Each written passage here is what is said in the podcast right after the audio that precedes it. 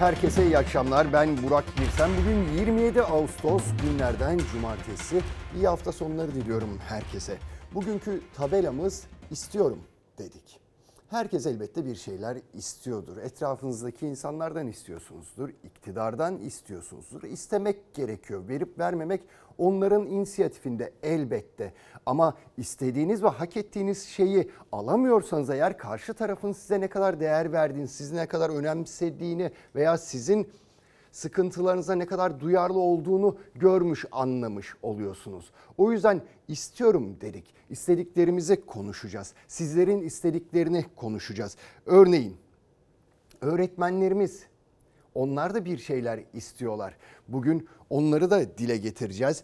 Birileri için şimdi Türkler için çok fazla değil ama birileri için Türkiye başka taraftan gelen birileri için Türkiye adeta cennet haline geldi. Kim onlar? Neden Türkiye'ye öyle akın akın geliyorlar? Birazdan göreceksiniz.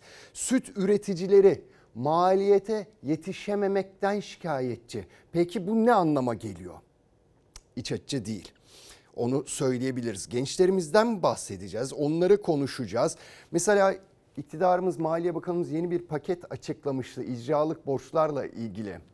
Belki detayları belli oldu. Nedir o detaylar? Elbette anlatacağız. Sizin yaranıza merhem olacak mı? Ne kadar merhem olacak göreceksiniz. Siyasetin polemikleri var elbette ama biz manşetimize atacağız. Manşetimiz sanatçı Gülşen'in tutuklanması. Herhalde Gülşen'e de sorsalar adalet istiyorum diyebilir kendisi. Dün çok tartışılmıştı verilen karar, tutuklama kararı çok tartışılmıştı. Hakim kararında şunun etkili olduğunu söylemişti. Sosyal medyadan gelen çok fazla tepkinin etkili olduğunu, adli kontrolün yetersiz kalacağını, o yüzden tutuklamanın doğru bir karar olduğunu söylemişti. Çokça tartışılmıştı, itirazlar gelmişti buna. Bugün Tabi Gülşen'in avukatı da bir üst mahkemeye itiraz etti karar için. İşte üst mahkemenin kararı beklenirken ne oldu? Adalet Bakanı Bekir Bozdağ bir kez daha konuştu ve yine tutuklamayı savundu. Bu hukuksuzluğun karşısında hani bir kişi direnecek olsa Adalet Bakanlığı'ndan, bir kurum direnecek olsa Hakimler Savcılar Kurumu'ndan beklersin. Suç işleyen biri olduğunda yaşam tarzına müdahale. Yahu birine hakaret etmek, birine sinkaf etmek, kime karşı yapılırsa yapılsın suçtur. Adalet Bakanı bu hukuksuzluğu en başta savunanlardan oldu ve HSK açıklamasının da kendisinin talimatıyla ve pek çok HSK üyesinin haberi olmadan yapıldığı ortaya çıktı. Sanatçı Gülşen'in 4 ay önceki bir konserinde kurduğu cümleler nedeniyle tutuklanmasını bir kez daha savundu Adalet Bakanı Bekir Bozdağ.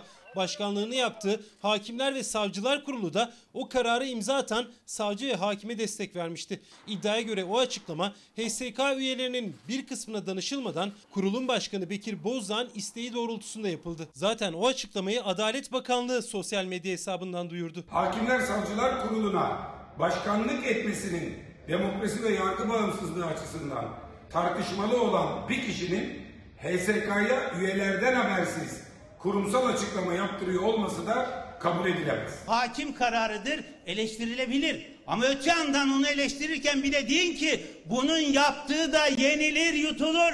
Bu şey değildir. Bir de bunu değil. Maksadı aşan e, bir espridir. Bunun dört ay durup buzdolabında saklanıp Türkiye'nin bu gündeminde sosyal medya üzerinden servis edilmesi, bir takım bakanların durumdan vazife çıkararak beyanda bulunmaları, Hı. o bakanlıklara bağlı kurumların harekete geçmeleri, Türkiye'ye yakışmayan tartışmaların yaşanmasına da vesile olur. Milletin evlatlarını okuduğu okula göre ayrımcılık yapan, nefret dilini kullanan kim? Kendisinin özür dilediği bir süreçte öyle bir kutuplaşmadan medet ummaya kurban gitti her şey, Adalet ve Kalkınma Partisi'nde siyaset yapan herkesin yargıya talimat vermesi ve bu talimatın harfiyen yerine getirilmesi sonucuyla karşı karşıya.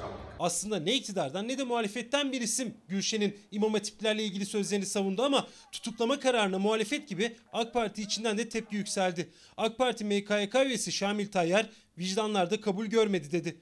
Muhalefet sanatçı Gülşen daha gözaltına alınmadan başta Adalet Bakanı olmak üzere iktidar cephesinden gelen açıklamalarla yargıya talimat verildiğini söylerken Adalet Bakanı Bozdağ kendisinin de Cumhurbaşkanının da İmam Hatip mezunu olmasını hatırlattı. Adalet Bakanı konuşmazmış. Yahu bana hakaret ediyor. Cumhurbaşkanımız İmam Hatipli ona hakaret ediyor. Biz konuşmayacak mıyız? Bu yargıya müdahale değildir. Yargıya müdahaleyi Sayın Kılıçdaroğlu yapıyor. Bu haber çıkmadan önce Türkiye'nin gündemi neydi? 180 milyon dolar rüşvet iddiası ile ilgili bir bürokrat konuşuluyordu Türkiye'de. Yoksulluk, yolsuzluk konuşuluyor. Bu gündemi aldınız, yerine bir sanatçının 4 ay önce yaptığı bir şeyi koydunuz. Bunu yaparken de sırf bir tahkimat yapabilmek adına adaleti, yargıyı zorladınız ve orantısız bir sonuçla karşı karşıya getirdiniz. Sanatçı Gülşen'in tutuklanmasına ilişkin siyasette tartışma sürerken Gülşen'in avukatının yaptığı itirazı yönelik üst mahkemenin vereceği karar bekleniyor. Evet itiraz edildi. Karara Gülşen'in avukatı itiraz etti. Üst mahkemenin vereceği o kritik karar beklenirken Sayın Bekir Bozdağ bir açıklama daha yaptı. Yine tutukluluğu savundu. Acaba üst mahkeme bu açıklamaların gölgesinde nasıl bir karar verebilir? Şimdi Bekir Bozdağ diyor ki bana da Cumhurbaşkanımıza da hakaret etti. Biz de İmam Hatipliyiz diyor. Düşünsenize üst mahkemede hakimin bu sözler üzerine nasıl bir karar vermesini bekliyoruz acaba? Olumlu bir karar verebilir mi? Daha doğrusu tutukluluğu iptal edebilir mi? Pek sanmıyorum. Çünkü daha önce bunlar yaşanmadı ama şu yaşanmıştı. İktidar cephesinden gelen açıklamaların tam tersi yönde karar verenler görevden uzaklaştırılmışlardı veya oradan alınıp başka yerlere atanmışlardı. Şimdi bu atmosferde, şimdi bu atmosferde nasıl karar verecek üst mahkeme? Doğru karar verebilecek mi? Ama Sayın Bekir Bozdağ bugün keşke şunu da açıklamasını beklerdik. Şu soruya da cevap vermesini beklerdik. İşte dün demişti hakim karar verirken video birçok grup tarafından kötü eleştirilere kötü eleştirilerle çok paylaşıldı. Adli kontrol yetersiz kalır.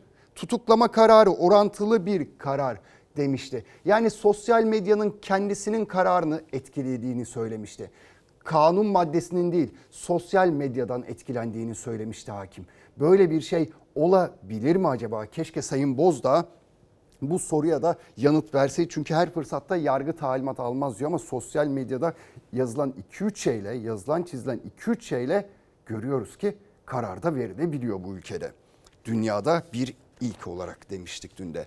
Şimdi gelelim siyasetin bir başka tartışması, köstebek tartışması nedir o? İşte Sayın Kılıçdaroğlu, Kemal Kılıçdaroğlu KYK borçlarının silinmesiyle ilgili konuşmuştu. Borçların faizinin silinmesiyle ilgili konuşmuştu. Ödemeyin demişti. Ondan sonra icra borçlarıyla ilgili konuşmuştu. Onda da ödemeyin demişti. Ve iktidar Sayın Kılıçdaroğlu'nun açıklamalarının ardından hemen ardından bu konulara düzenleme getirmişti. İşte iktidara yakın bir gazete Kemal Kılıçdaroğlu'nun acaba iktidar tarafında köstebeğim var diye sordu. Yanıt Kılıçdaroğlu'ndan geldi. Yeni Şafak gazetesi bugün basın tarihine geçecek bir manşetler çıkmış. Biraz kafa çalıştırın yahu. Önden önlem alıp çözün. Ağlak bir sarayda hiç çekilmiyor. İktidara yakın Yeni Şafak gazetesinin manşetini bu sözlerle hedef aldı CHP lideri. Çünkü gazete CHP liderine bürokrasiden bazı kişilerin iktidarın atacağı adımları önceden söylediği iddiasını taşıdı manşete. Bay Kemal'in köstebeği kim diye sordu. Eyvah Kemal Bey yine önemli bir önderlikte bulunuyor diye. Korkuyla, panikle bu işi bir an önce yapanlar şimdi gitmişler içeride köstebek arıyorlar. Emekliye 2 ikramiye, asgari ücretin 900 liradan 1500 liraya çıkması ve sonrasındaki artışlar taşerona kadro. CHP liderinin dile getirmesinden sonra iktidarın attığı adımlardı. KYK borçlarının faizlerinin silinmesi de. Bay Kemal gibi cevap verirsek sildim gittim der. Kredi geri ödemelerinin herhangi bir enflasyon farkı veya faiz uygulaması olmaksızın sadece alınan kredi rakamı üzerinden yapılmasını kararlaştırdık. Faizler arttıkça ödeme şansı kalmayan insanların borçlarına bankalar ne yapıyor? Borçlarınızı varlık şirketlerine satıyorlar. Sakın, sakın ödemeyin. Seçimden sonra onlarla ben konuşacağım ben. CHP liderinin son hamlesi bankalara olan borçları varlık yönetim şirketlerine satılan vatandaşlara yönelikti.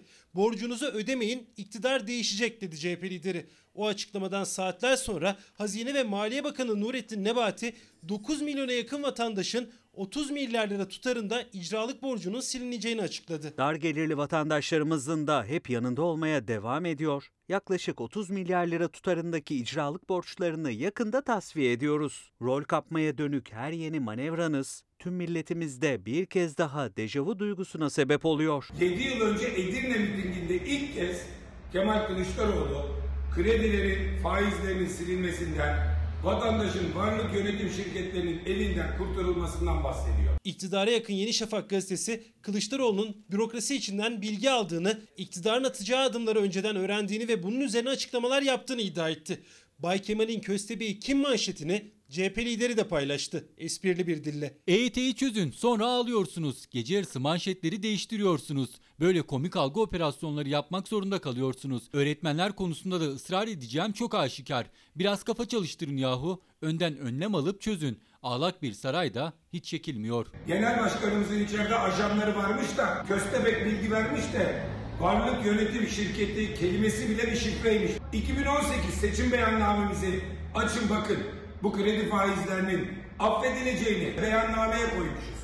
Kılıçdaroğlu köstebek yok aklınızı kullanın diye seslendi iktidara. Özgür Özel geçmiş yıllarda kurulan cümleleri seçim beyannamelerini hatırlattı.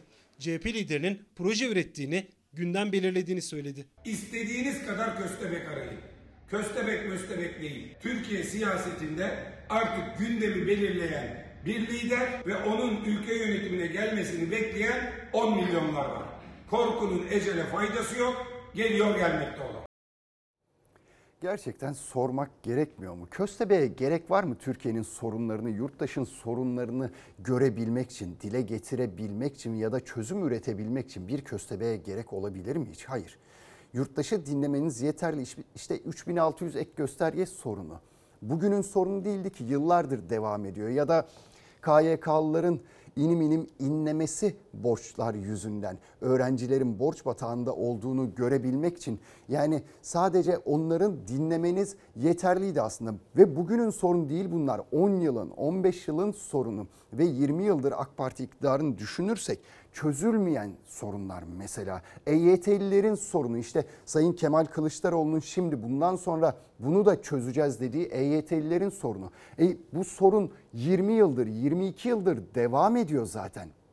E çözecek olsanız, görmezden gelmiyor olsaydınız, halka, yurttaşa biraz daha kulak veriyor olsaydınız elbette çözerdiniz. Bunlar için hiç kimsenin köstebeğe ihtiyacı yok aslında. Sokağa inmeniz yeterli. Ama maalesef iktidar kanadından pek fazla kişiyi sokakta göremiyoruz. Ancak muhalefet cephesine baktığımız zaman her gün bir lider mutlaka yurttaşın derdini dinlemek için sokağa çıkıyor. Meral Akşener, Meral Akşener özellikle her gün bir ilçeyi, bir ili geziyor. İstanbul'daydı. Bir emekliyle karşılaştı kendisi.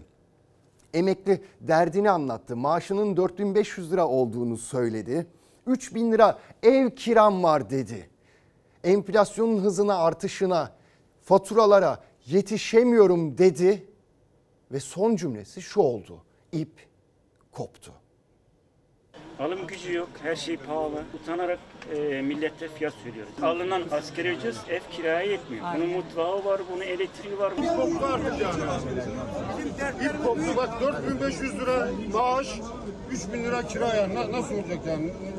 Bittik yani. İyi Parti lideri İstanbul'un ilçelerinde günlerdir. Sokak sokak, dükkan dükkan ekonominin nabzını tutuyor, vatandaşı dinliyor. Bir emekliden ip koptu isyanı yükseldi. Hayır eskiden idare ediyorduk yani. Eviniz olsa da geçinemezsiniz. Ya evim var geçiremiyorum. Birisi en düşük emekli maaşının asgari ücret kadar olması gerektiğini söyleyen bir siyasi partiyiz. Asgari ücret de şu anda yeterli değil yani. Bak o yeterli değil. Asgari ücret 5500 lira ve kiralar 7000 lira. Bir insan kiraya çalışsa bile ödeyemiyor. İmkansız yani. Maaş aldığımız gibi markete gidiyoruz, iki poşete çıkamıyoruz. parasını, ceyran parasını hiç biçim alıyor. Vicdanen ben vicdan azabım. Buna bir durdurmamız lazım. Alım gücü zaten düştü artık millet geliyor bir ürüne bakarken geçen hafta 90 liraya alıyorsa bu hafta 120 lira oldu mu niye böyle oldu diyor. 3 gün arayla fiyat değişiyor yani. Ürün askıdayken zamlanıyor. Benim sattığım ürün 10 liradan 20 liraya çıkmış. Kiram tam iki kat artmış. Çalışanlarımın maaşları sürekli sirkülasyon halinde değişiyor. Ben evime ekmek götüremiyorum. TÜİK'in enflasyonu %79,6 ama etiketlere yansıyan vatandaşın hissettiği çok daha fazla. Maliye Bakanımız Nebati Bey diyor ki arkadaşlar gözlerime bakın. Gözlerime bakar mısınız? Ne görüyorsunuz? Ekonomi gözlerdeki ışıltıdır. E ben gözlerine baktım devrim döndü. Halk bakarsa nasıl yapacağız bunu? Ben çok merak ediyorum. Asgari ücreti artırdı. Asgari ücreti artırmadan ertesi gün her şey yüzde otuz beş arttı. Çiğ köfte et fiyatıyla yarışıyor. İçinde bulgur, pirinç ve baharat çeşitleri var. Yalnız et yok. Etin kilosu 140 lira, çiğ köftenin kilosu 96 lira. Şu kalem geçen sene 12 lirayken bu sene 34 lira. Şu açacak 5 lirayken 15 oldu. Silgi 3 lirayken 7 TL oldu. Okulların açılmasına sayılı günler kala milyonlarca öğrencinin temel ihtiyacı olan kırtasiye malzemeleri de %100'ün üzerinde zamlandı. CHP Adana Milletvekili Ayhan Barut da kırtasiyeleri dolaştı. Eski. Niye alamıyorsunuz Pahalı.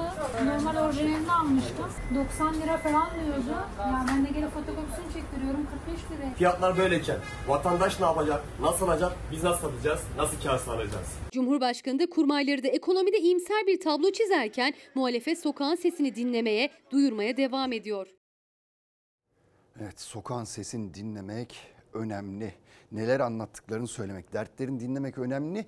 Der, dinleyeceksiniz ki çözüm üretesiniz. Yoksa işte orada burada köstebek arar durursunuz. Ya da birileri söyler bu sefer siz yaparsınız.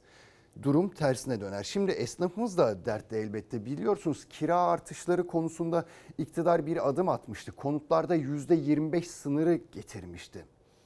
Ama esnaf o çok çok daha fazla kira ödüyor ve yeteri kadar iktidardan destek alamıyor ve onların da talebi var. Esnaf da kira zammına sınırlama istiyor. Ben bir kirayı ben bir de stopaj veriyorum. Birkaç arkadaşımız zaten kapattı. Esnaf sayısı azalıyor. Şurada vardı bir arkadaşım yine böyle bilgisayarcı. Kilidi vurdu gitti. Kendi iş yerimiz. Buna rağmen zorlanıyoruz. Kira ödemediğim için ayakta durabiliyorum. Eğer kira ödeseydim zaten çoktan kapatmıştım. Devlet ekonomide enflasyonun nedenlerini araştırırsa ev kiralarını da yüksek bulur. %25 ile sınırlanacak.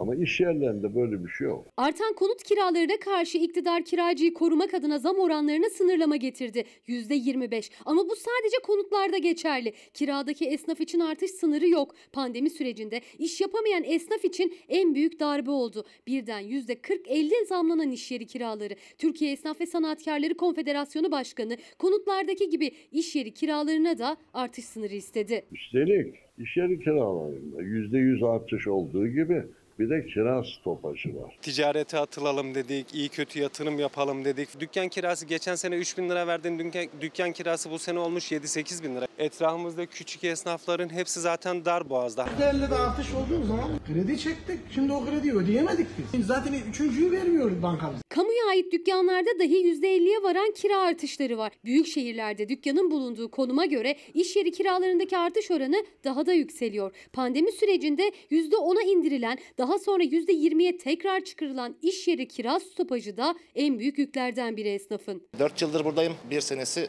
işçiydim. Daha sonra dükkan devrettiler ben aldım. Maalesef almış bulundum. Kira, vergi, sigorta, stopaj aracı gibiyiz. Ya devlete vergi olarak veriyoruz ya da büyük marketlere veriyoruz bütün paramızı. Cebimize 5 kuruş para kaldı yok. Kiralar aşırı yüksek. Büfemize %55, diğer büfemize de %38, %40'a yakın bir zam var. Geliriniz %50 arttı mı? Aksine %50 düşüş yaşadık. Yani 5 bin liraya bir dükkanı tutuyorsunuz. Devlet diyor ki iki kere 5, 10 yapar. Yani 1000 lirada stopaj parası yatır. Ya zaten mal sahibi kiraya alıyor, vergisini götürüp veriyor.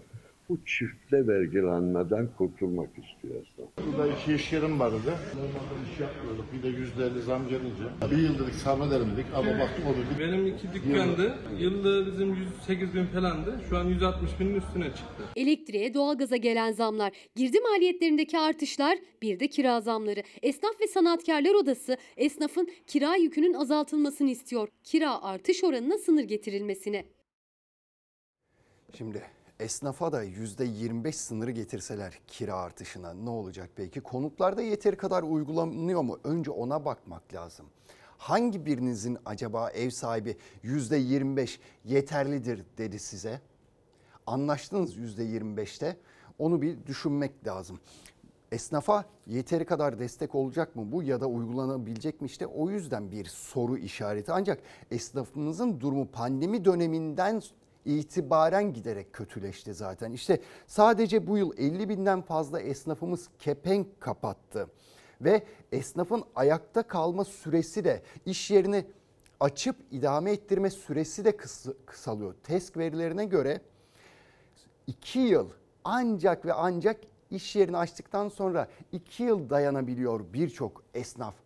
2 yılın sonunda kepenk kapatıyor birçoğu. Çünkü bu enflasyonun altında pandemi döneminde özellikle zaten yeteri kadar zorluk çekler giderek eziliyorlar. Ha Almanya bizi kıskanan ne yapıyor derseniz pandemi döneminde çok büyük destek oldu onlar esnafına. Bakın 9 bin euro ile 1 milyon euro arasında karşılıksız para verdiler esnafa Almanya'da.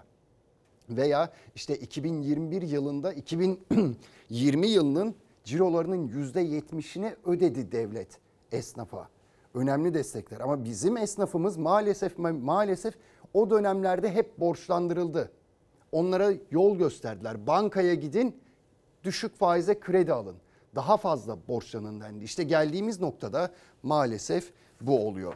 Şimdi Sayın Maliye Bakanı açıklamış. Daha doğrusu önce Kemal Kılıçdaroğlu söylemişti icralık borçlarla ilgili vatandaşa onlara ödemeyin biz geldiğimizde çözeceğiz dedi. Sonra Maliye Bakanı gece yarısı duyurdu. Yeni bir düzenlemeye gittik dedi. İcralık olan dosyalar dosyaları ele alıyoruz ve ne kadar 5 milyon ailenin 2 bin liraya kadar olan borçlarını icradan düşeceğiz dedi. 9 milyon icra dosyası silinecek. Peki yeterli mi bu?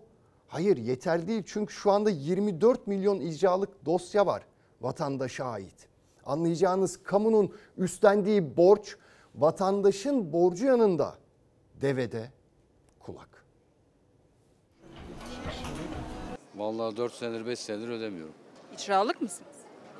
Öyle diyorlar ar- arıyor avukat ama ben diyorum verecek param yok diyorum. Aciz geleceksen gel kardeşim. Gel buyur gel kapım açık. Ne alacaksın al. İcralık bir durumunuz var mı? Var tabii. Görmüyor musunuz? Yani aldığın paraya bak, harcayacağın paraya, mutfağa bak bir ya. Yani borçlanmamanın imkanı var mı? Borçlar giderek birikerek devam ediyor maalesef. İcra dosyalarında bir patlama oldu. Elektrik borçları, su borçları, doğalgaz, e, internet bunun gibi temel ihtiyaç dediğimiz e, kalemlerde insanlar ciddi şekilde ödeme güçlüğü yaşıyorlar. İcraya düşen borçlar artık şirketlerin değil en temel ihtiyacını borçla alan tüketiciler de icralık olmaya başladı. Bu tablo karşısında icra destek paketi dahi açıkladı hükümet. 9 milyon icra dosyasına destek açıklandı ama sadece Ocak'tan Ağustos ayına yeni icra dosyası 5 milyonu aştı. Toplam icra dosyası da 24 milyonu. Borçlarsa bitmek bilmiyor. Ne kadar birikti borç? Faiziyle ne oldu? Vallahi olmuş herhalde 40-50. Ne yapacaksınız? Öde- ödeyecek durumum yok. Nereden ödeyebilirim? Avukat geçen gün bana mesaj gönderiyor. 31 Ağustos'a kadar son gün yapılandırma yapar mısın? E neyle yapacağım? Sonunda söyledim ben ödeyemem kardeşim dedim. Beni arama. Daha önceden icra dosyalarımız, icra davalarımız daha böyle ticari alacaklara, banka alacaklarına vesaire yönelik olurken e, şu anda önümüze gelen e, dosyalarda genellikle temel ihtiyaçlarda insanların icra takibiyle karşı karşıya kaldığını gösteriyor. Gelir gidere yetmeyince temel ihtiyaçlar da artık kredi kartıyla ve kredilerle alınıyor. Borcu borçla kapatmaya çalışan dar gelirli aileler içinse yeni icra düzenlemesine gidilmek zorunda kalındı. 5 milyona yakın ailenin 2 bin liraya kadar olan borçları icradan düşerek yaklaşık 9 milyon icra dosyasını devlet üstleneceğini açıkladı. Ama gerçek tabloda rakamlar bu kadarla sınırlı değil. Devletin karşılayacağı borçları silecekleri şeklinde bir yasal düzenlemeye gidilmesi bekleniyor. Orada bile anlayabiliyorsunuz aslında yani insanların temel ihtiyaçlarını dahi göremeyecek kadar ekonomik bir darboğaz içinde olduklarını. Sadece son 7 ayda yani Ocak-Ağustos döneminde toplam 5 milyon 600 bin yeni dosya geldi icra ve iflas dairelerine. Böylece icralık dosya sayısı geçen yılın aynı dönemine göre %25 yani 1 milyon 400 bin dosya daha eklenerek 24 milyon 94 bine ulaştı icralık dosya sayısı. Evin ihtiyaçları, çocukların eğitim masrafları, pazar yani çalışmamıza rağmen borçla geçiniyoruz. Çalışan dahi borçla döndürüyor. Çalışmayansa zaten borç batağında. Olmadığı için mecbur çekiyorsun. Yoldan geçene sor kredi kartı borcu var. Ne borcu var? Kredi borçlarımız var. Her türlü borcumuz var. En az en düşük elektrik borcumuz var. Vatandaşın durumu zor işte. Şu anda 9 milyon dosyayı, icralık dosyayı devlet üstlenecek. İyi, güzel, hoş üstlensinler. Ama toplamda 24 milyonluk icralık dosya var. Vatandaş çok fazla borçlanmış durumda. İşte sadece bir haftada tüketici kredilerinde 6,5 milyar lira tüketici kredisinde 6,5 milyar lira. Kredi kartı borçlarında 7,5 milyar lira artış oldu. Vatandaşın cebinde para olmadığı için kredi kartına sarılıyor ya da bankadan gidip borç çekmeye devam ediyor. Bir kısır döngünün içindeler. O yüzden kalıcı bir çözüm bulmak gerekiyor. Günü kurtaran çözümler tamam. Evet bu ay rahatlayacaklar ama önümüzdeki ay ne yapacak bu yurttaşlar? Tekrar borçlanmaya işte bu şekilde devam ediyorlar. Sonuç olarak enflasyonun dizginlenmesi gerekiyor. İşte hukuk devletine yakışır adımların atılması gerekiyor. Belki de şu anda uygulanan ekonomi politikasının değiştirilmesi gerekiyor artık. Onun zamanı gelmiş olabilir belki de. Bunları yaparsak kalıcı çözümler bulabiliriz. Şimdi çok önemli iddiaların sahibi. Yurt dışında kendisi firari organize suç lideri Sedat Peker. Bu kez önemli, çok önemli iddialarda bulundu yine. Cumhurbaşkanı danışmanlarıyla ilgili iddialarda bulundu. Rüşvet iddiasıydı. İyi de kim ispat edecek? Hangi savcı soruşturma başlattı? Pazartesi parti örgütümüz suç duyurusunda bulunacak. Vatan kurtaran savcı ve hakim. Haydi göreyim sizi. Hem konser falan değil. Konu SPK. Siyaset rüşvet iddiasıyla çalkalanıyor. Eski SPK Başkanı Ali Fuat Taşkesenoğlu'yla Cumhurbaşkanı danışmanı Serkan Taranoğlu'nun da aralarında olduğu isimlerin milyonlarca lira rüşvet aldığını firari suç örgütü lideri Sedat Peker iddia etti. Muhalefet o iddialar karşısında suç duyurusuna hazırlanıyor. Sedat Peker'in iddia ve ifşaları örtbas edilemez. Adalet Bakanı Bekir Bozdağ açık çağrımdır. Ya görevinizi hakkıyla yapın, yargının üzerinden baskınızı çekin ya da gücünüz yetmiyorsa onurunuzla istifa edin. Koskoca Türkiye Cumhuriyeti'ni kabile devleti gibi yönetemezsiniz. Sedat Peker daha önce İçişleri Bakanı Soylu, AK Parti Milletvekili Tolga Ağar, Mehmet Ağar ve Binali Yıldırım'ın oğlunun da aralarında olduğu birçok isimle ilgili önemli iddialar gündeme getirmişti. Bu kez bürokrasiden Cumhurbaşkanlığına uzanan rüşvet iddiasıyla gündemde. Eski SPK Başkanı Ali Fuat Taşkesenoğlu ve kardeşi AK Parti Milletvekili Zehra Taşkesenoğlu'yla Cumhurbaşkanı danışmanı Serkan Taranoğlu'nun da aralarında olduğu isimlerin bazı iş insanlarından iş çözme vaadiyle milyonlarca lira rüşvet aldığını yazdı sosyal medyadan. Adı yolsuzluğa karışan bürokratlar derhal görevden alınmalı ve haklarında soruşturma başlatılmalıdır. Ayrıca iddiaların odağındaki kişi de ya derhal kamuoyunu aydınlatacak bir açıklama yapmalı veya milletvekilliğinden istifa etmelidir. Ortada bir siyasi fikir, ideoloji ya da hedef uğruna bir araya gelmiş siyasi bir teşekkül değil, yukarıdan aşağıya cürüm işlemek için organize olmuş bir suç örgütü var. Firari suç örgütü lideri Sedat Peker'in rüşvet suçlaması yönelttiği eski SPK Başkanı da AK Parti milletvekili de Cumhurbaşkanı danışmanları da sessiz. Yargıda ama muhalefet o iddialarla ilgili suç duyurusunda bulunacağını açıkladı. Muhalefet de ilk kez harekete geçti iddialar karşısında ve suç duyurusunda bulunacaklarını açıkladılar. Şimdi gençlerimize bir bakalım.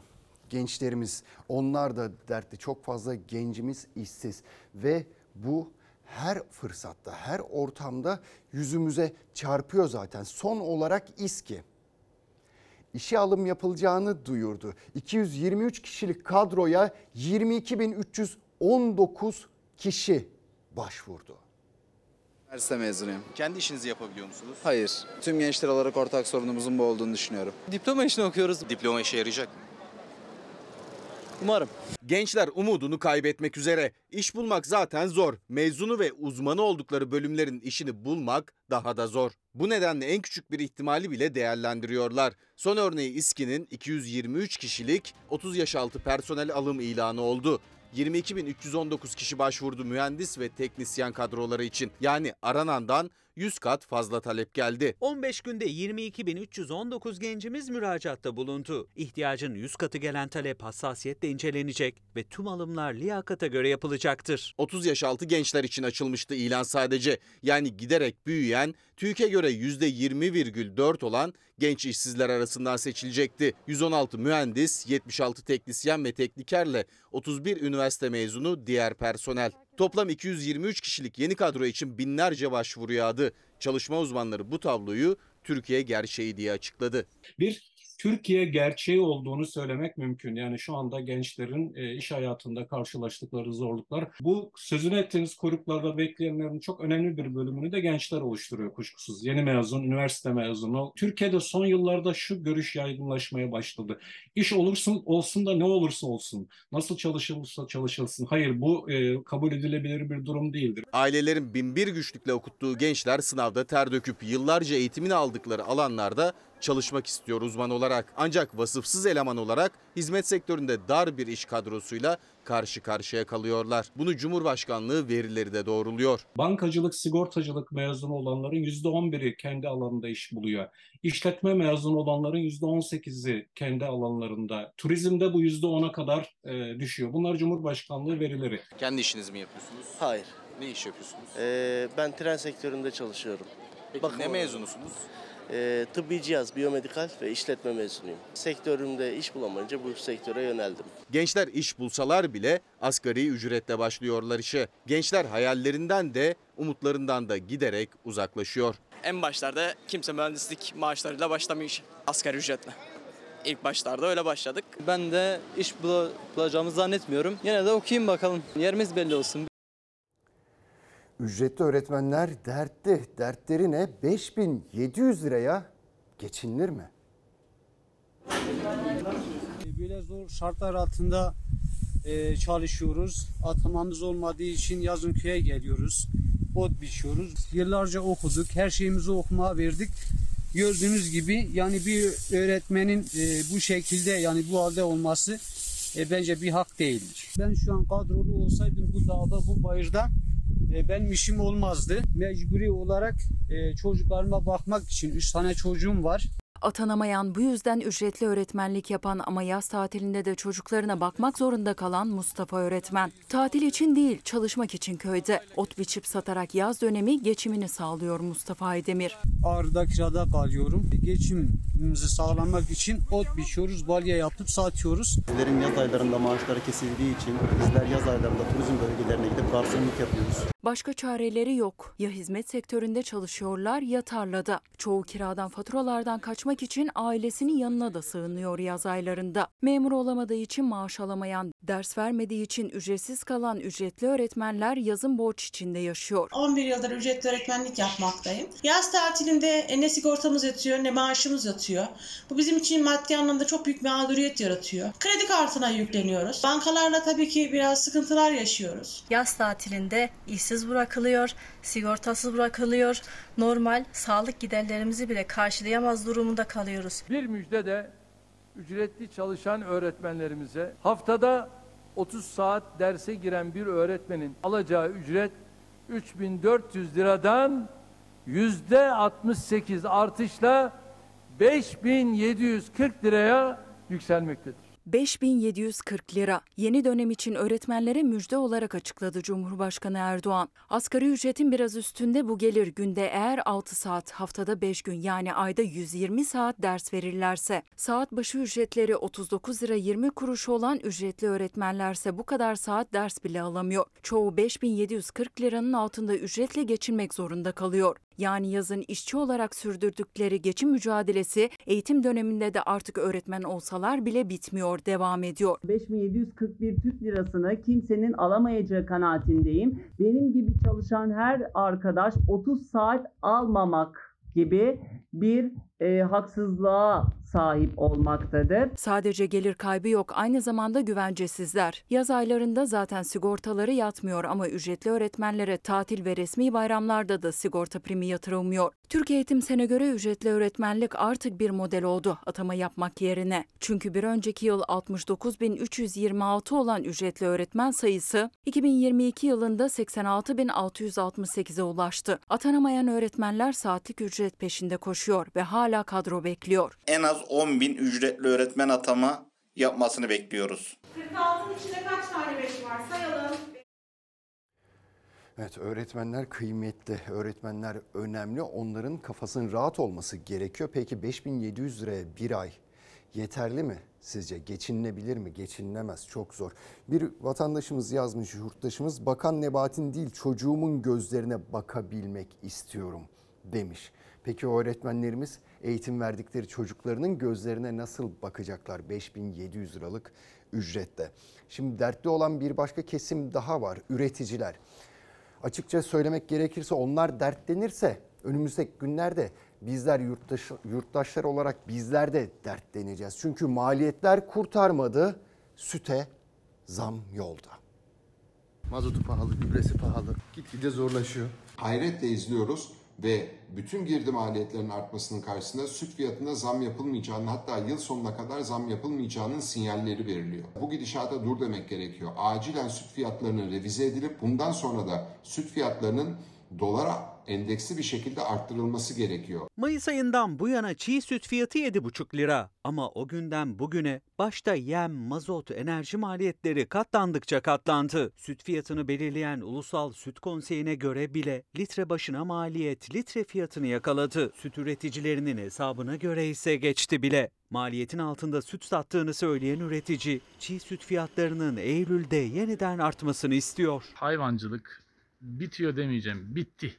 Her ay sütü veriyoruz, yemi alıyoruz. Sütü veriyoruz, yem alıyoruz. Hamallık yapıyoruz. Maliyetin arttığı yerde fiyatları sabit tutarsanız insanlar üretmekten vazgeçer ve zaten vazgeçiyorlar. Ve bu vazgeçmenin akabinde ürün arzında bir daralma, arzın olmadığı yerde de fiyatta doğal bir artış olacaktır ve bunun kimse önüne geçemeyecektir. Nisan ayında 5 lira 70 kuruş olan çiğ süt fiyatı Mayıs ayında 7,5 liraya yükseltilmişti Ulusal Süt Konseyi tarafından. Ancak bu artış üreticiye yetmedi. Çünkü en büyük maliyet kalemlerinden yemin fiyatı dolara bağlı katlandı. 7,5 liralık fiyat açıklandığında dolar 15 lira 56 kuruştu. Bugün 18 liraya aştı. 1 litre sütün 1 kilo yem almadığı bir dönemdeyiz. Girdilerimiz korkunç bir şekilde arttı. Bir diğer maliyet kalemi de motorin. Onun da fiyatı bir yılda %269 arttı. Türkiye'deki üreticiler ne enflasyonun sebebidir ne de enflasyonu kontrol edebilecek me- mekanizmadır. Girdi maliyetleri düşürülmeden enflasyonu düşürmeniz, gıda fiyatlarını düşürmeniz mümkün değildir. Ulusal Süt Konseyi'nin Temmuz ayı için yaptığı hesaplamada bile 1 litre çiğ sütün üretim maliyeti 7 lira 22 kuruşa yükseldi. Üreticiye göre maliyet bunun da üstünde. Ortalama 1 litre sütün maliyetini Tüm Süt Et ve Damızlık Sığır Yetiştiricileri Derneği 1 litre sütün üreticiye maliyetini 7 lira 76 kuruş olarak açıkladı. Maliyet artınca süt ineklerini kesime göndermek zorunda kalıyor üretici. Bu da süt üretimini düşürüyor. Raflara da zam olarak yansıyor. Yani üretici gibi tüketici de mutsuz oluyor. Üretim önümüzdeki aylarda hızlı bir şekilde gerileyecektir. Bunun cemeresini bütün halk olarak biz çok pahalı gıda olarak ödemek zorunda kalacağız. Yapacağımız hiçbir şey kalmadı artık. Aldığımız gübre 1500. Aldığımız gübre 1200. Nasıl yapacağız? Sadece süt üreticileri değil, çiftçiler de aynı durumda. Ekim zamanı gelirken değil maliyetleri karşılayabilmek, geçmiş dönem borçları altında eziliyorlar. Tarlalarımızda herhalde yeni seneye bankalar eker. Bankalar tamamen örümcek ağzı gibi örmüş. Maliyetler artıyor. İşte üretici dertlenirse ileride biz de dertleneceğiz. Çünkü zamlar ard arda gelecek. İşte bugün sütü konuştuk. Dün domatesi konuşmuştuk. 50 lira kışın olabilir diye uyarıyordu üreticiler. Her şey olabilir o zaman alabilecek miyiz? Çünkü paramız da giderek enflasyon karşısında değer kaybediyor. Ama komşumuz Yunanistan'a bakacak olursanız onlar Bulgaristan'a bakacak olursanız onlar ne yapıyorlar? Akın akın geliyorlar. Çünkü bizim paramızın değeri düştükçe Türkiye onlara güzel oluyor.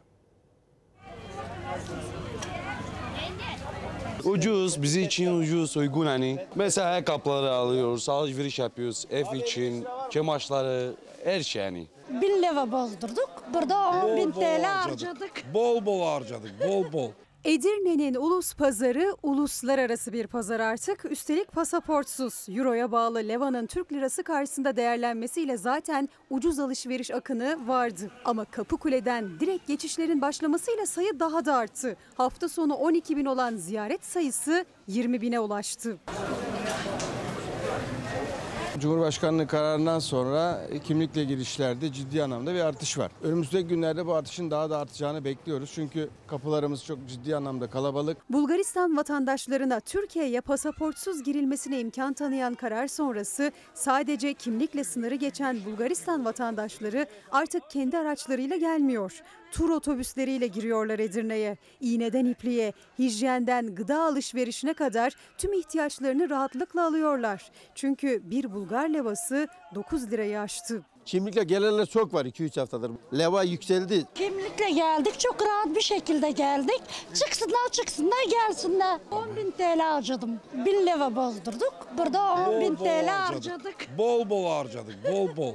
Doldurdum arabanın bagajını. Bagaj, Zeytinyağısını, giysi, kaşkavalını, peynirini ne almadık ya. Fiyatları çok uygun abi. Her bir hafta buradayız. Her hafta. Bu sefer kimlikle geldik. Çok rahat geldik. Abi bizim bir limitimiz yok. Beğendiğimizi alıyoruz. Burası çok ucuz abi. Ucuz. Mallar da iyi. Güzel. Kapıkule sınır kapısının Bulgaristan tarafında Türkiye'ye alışveriş yoğunluğu varken aynı sınır kapısının Edirne tarafındaysa gurbetçi yoğunluğu vardı. Çok güzel. Çok hızlı geçti. Yorgun. Kaç hafta kaldınız? 6 hafta. Şimdi nereye? Fransa'ya dönüş. Güzel tekrar seneye kadar özleyeceğiz. Denize gittik, yaylalara çıktık, her yeri gezdik. Bizim çok gidesimiz yok. Hem memleket hasreti gideriyorlar hem de turizm cennetinde güneşin, denizin tadını çıkarıyorlar. Avrupa'da okullar tatile girer girmez Türkiye'ye ortalama bir buçuk ay tatil için geliyor gurbetçiler. Şimdi de dönüş zamanı geldi. Münih'ten geliyorum. Tatilimi yaptım, geri dönüyorum. Nasıl gitti Alanya'da yaptım tatilimi. Bodrum'a gittim. Çok güzeldi her şey. Memnun kaldık. Tatil iyiydi. Neler yaptın? Güzel. Türkiye gerçekten çok güzel. Her sene heyecanla geliyoruz ama sonra da üzülerek gidiyoruz. Yönetenlere sormak gerekiyor. Polonya yaptı, biz neden yapamıyoruz? Bu hastalık o kadar zor bir hastalık ki bazen nefes bile alamıyorum. 9 aydır biz bu hastalıkla mücadele ediyoruz. Elimizden geleni yapıyoruz ama maalesef yetemiyoruz. Evladı için zaman daraldıkça nefes alamayan anneler onlar. SMA'lı bebekler için her bir saniye çok kıymetli. Aysel ve Tuğrul da o bebeklerden. Kiloları tedavi için sınırda zaman daralıyor ve kampanyalarına destek bekliyorlar. Şu an ilacı almıyor. Damar yolunu açmaya çalışıyorlar. 17 aylık bebeğimiz şu an yoğun bakımda yaşam mücadelesi veriyor. 17 aylık Tuğrul Altun bebek SMA tip 1 hastalığıyla mücadele ediyor. 4 aydır yoğun bakımda. Annesinin babasının dayanacak gücü kalmadı. Stand açtılar, evlatları için kampanya başlattılar. Bir başka mücadele eden anne Asel bebeğin annesi. Onların da amacı 30 Ağustos Zafer Bayramı'na kampanyalarının en azından %50'sini tamamlayabilmek. Lütfen destek olun. Artık dayanacak gücümüz kalmadı. Annemin babamın elinden gidip markete gitmek istiyorum. Medine ise diğer bebeklerden farklı olarak tip 2 hastası ve 6 yaşında, 4,5 yaşında teşhis konuldu. Onun içinde kilo sınırı 21 ve şu an 16 kilo. Kampanyası ise bir yıldır sürmesine rağmen henüz %6'sı tamamlanabildi. Kampanyamızın bitmesine son e, 75 günümüz kaldı. Benim kızım 6,5 yaşında ve 6 bezlenen bir çocuk. Bütün yetkisiyle anneye bağlı bir çocuk. Kampanya kilo sınırı aşılmadan tamamlanabilirse Dubai'de tedaviye gidecek. SMA hastası çocukları aileleri gen tedavisi için yurt dışına götürmeye çalışıyor. Almanya en çok gidilen adres. Polonya'da şimdi SMA hastalığını tedavi etmek için kullanılan ve dünyanın en pahalı ilacı olarak adlandırılan ilacı ödeme kapsamına aldığını açıkladı. Türkiye'deki ailelerse valilik onaylı kampanyalarla kendi çıkış yollarını arıyor. Temmuz ayında emekli maaşları ile Şimdi, ilgili şimdi bir bunları konuşmayacağım. Orada orada konuşuyorum. Bütün milletimizi, İstanbul Büyükşehir Belediye Başkanı'nın millet- obezite ile ilgili açıklaması oldu. iyiliğin zamanı. Hadi bakalım. Gerçeğin peşine düştük, ısrarla sorduk. Bu ziyaretlerden CHP Genel Merkezi rahatsız mı? Mutlaka selamımı ilet der. Başkent Gaz'ın Ensar Vakfı'na aktardığı 7 milyon 925 bin dolar vergi kaçırıldığını iddia ediyorlar. Sıcak anların tanığı olduk. Yanında iki binada da ağır hasar vardı. Çatısından alevler yükselen hastaneyi şu anda söndürme çalışmaları devam ediyor. Haberi yerinden aktardık. Polis engel olmaya çalışıyor, sağlık çalışanları ise yola çıkmaya çalışıyor. Çorlu'da yakınlarını kaybeden aileler yürüyüşe geçtiler. Kameralar önünde konuşulmayanı anlattık. Başkent kulislerinin perdesini araladık. güçlendirilmiş parlamenter sistem hedefiyle yürüyoruz dediler. AYM kararı da meclisin kararı yok hükmünde sayılmıyor. Çocuğuna bir diyor yapacak. Bir tarla satıyor. Süt satışı da bitti. Gerçek çiftçi bu ülkenin köylüsü faydalanabiliyor.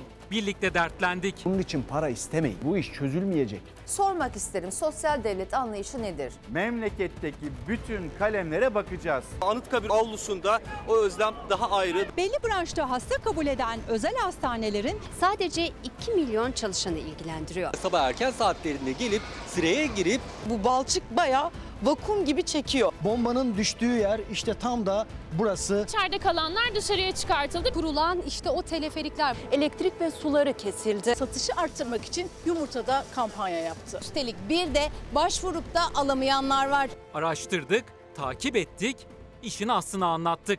Tüm bu haberleri hazırlarken gücümüzü sadece ve sadece sizden alıyoruz. Yine soracağız, sorgulayacağız, saklamayacağız. Yalanı, talanı, olanı biteni anlatmaya devam edeceğiz. Bağımsız haberin adresi Fox Haber'de yeni yayın dönemi 29 Ağustos'ta başlıyor. Reklam zamanı. Ana haber bültenini burada noktalıyoruz. Bizden hemen sonra senden daha güzel var. Yarın akşam saat 19'da yeniden buluşuncaya dek umarım yüzünüzü güldüren güzel haberler alırsınız. Hoşçakalın. Ezilir yerler için bir başka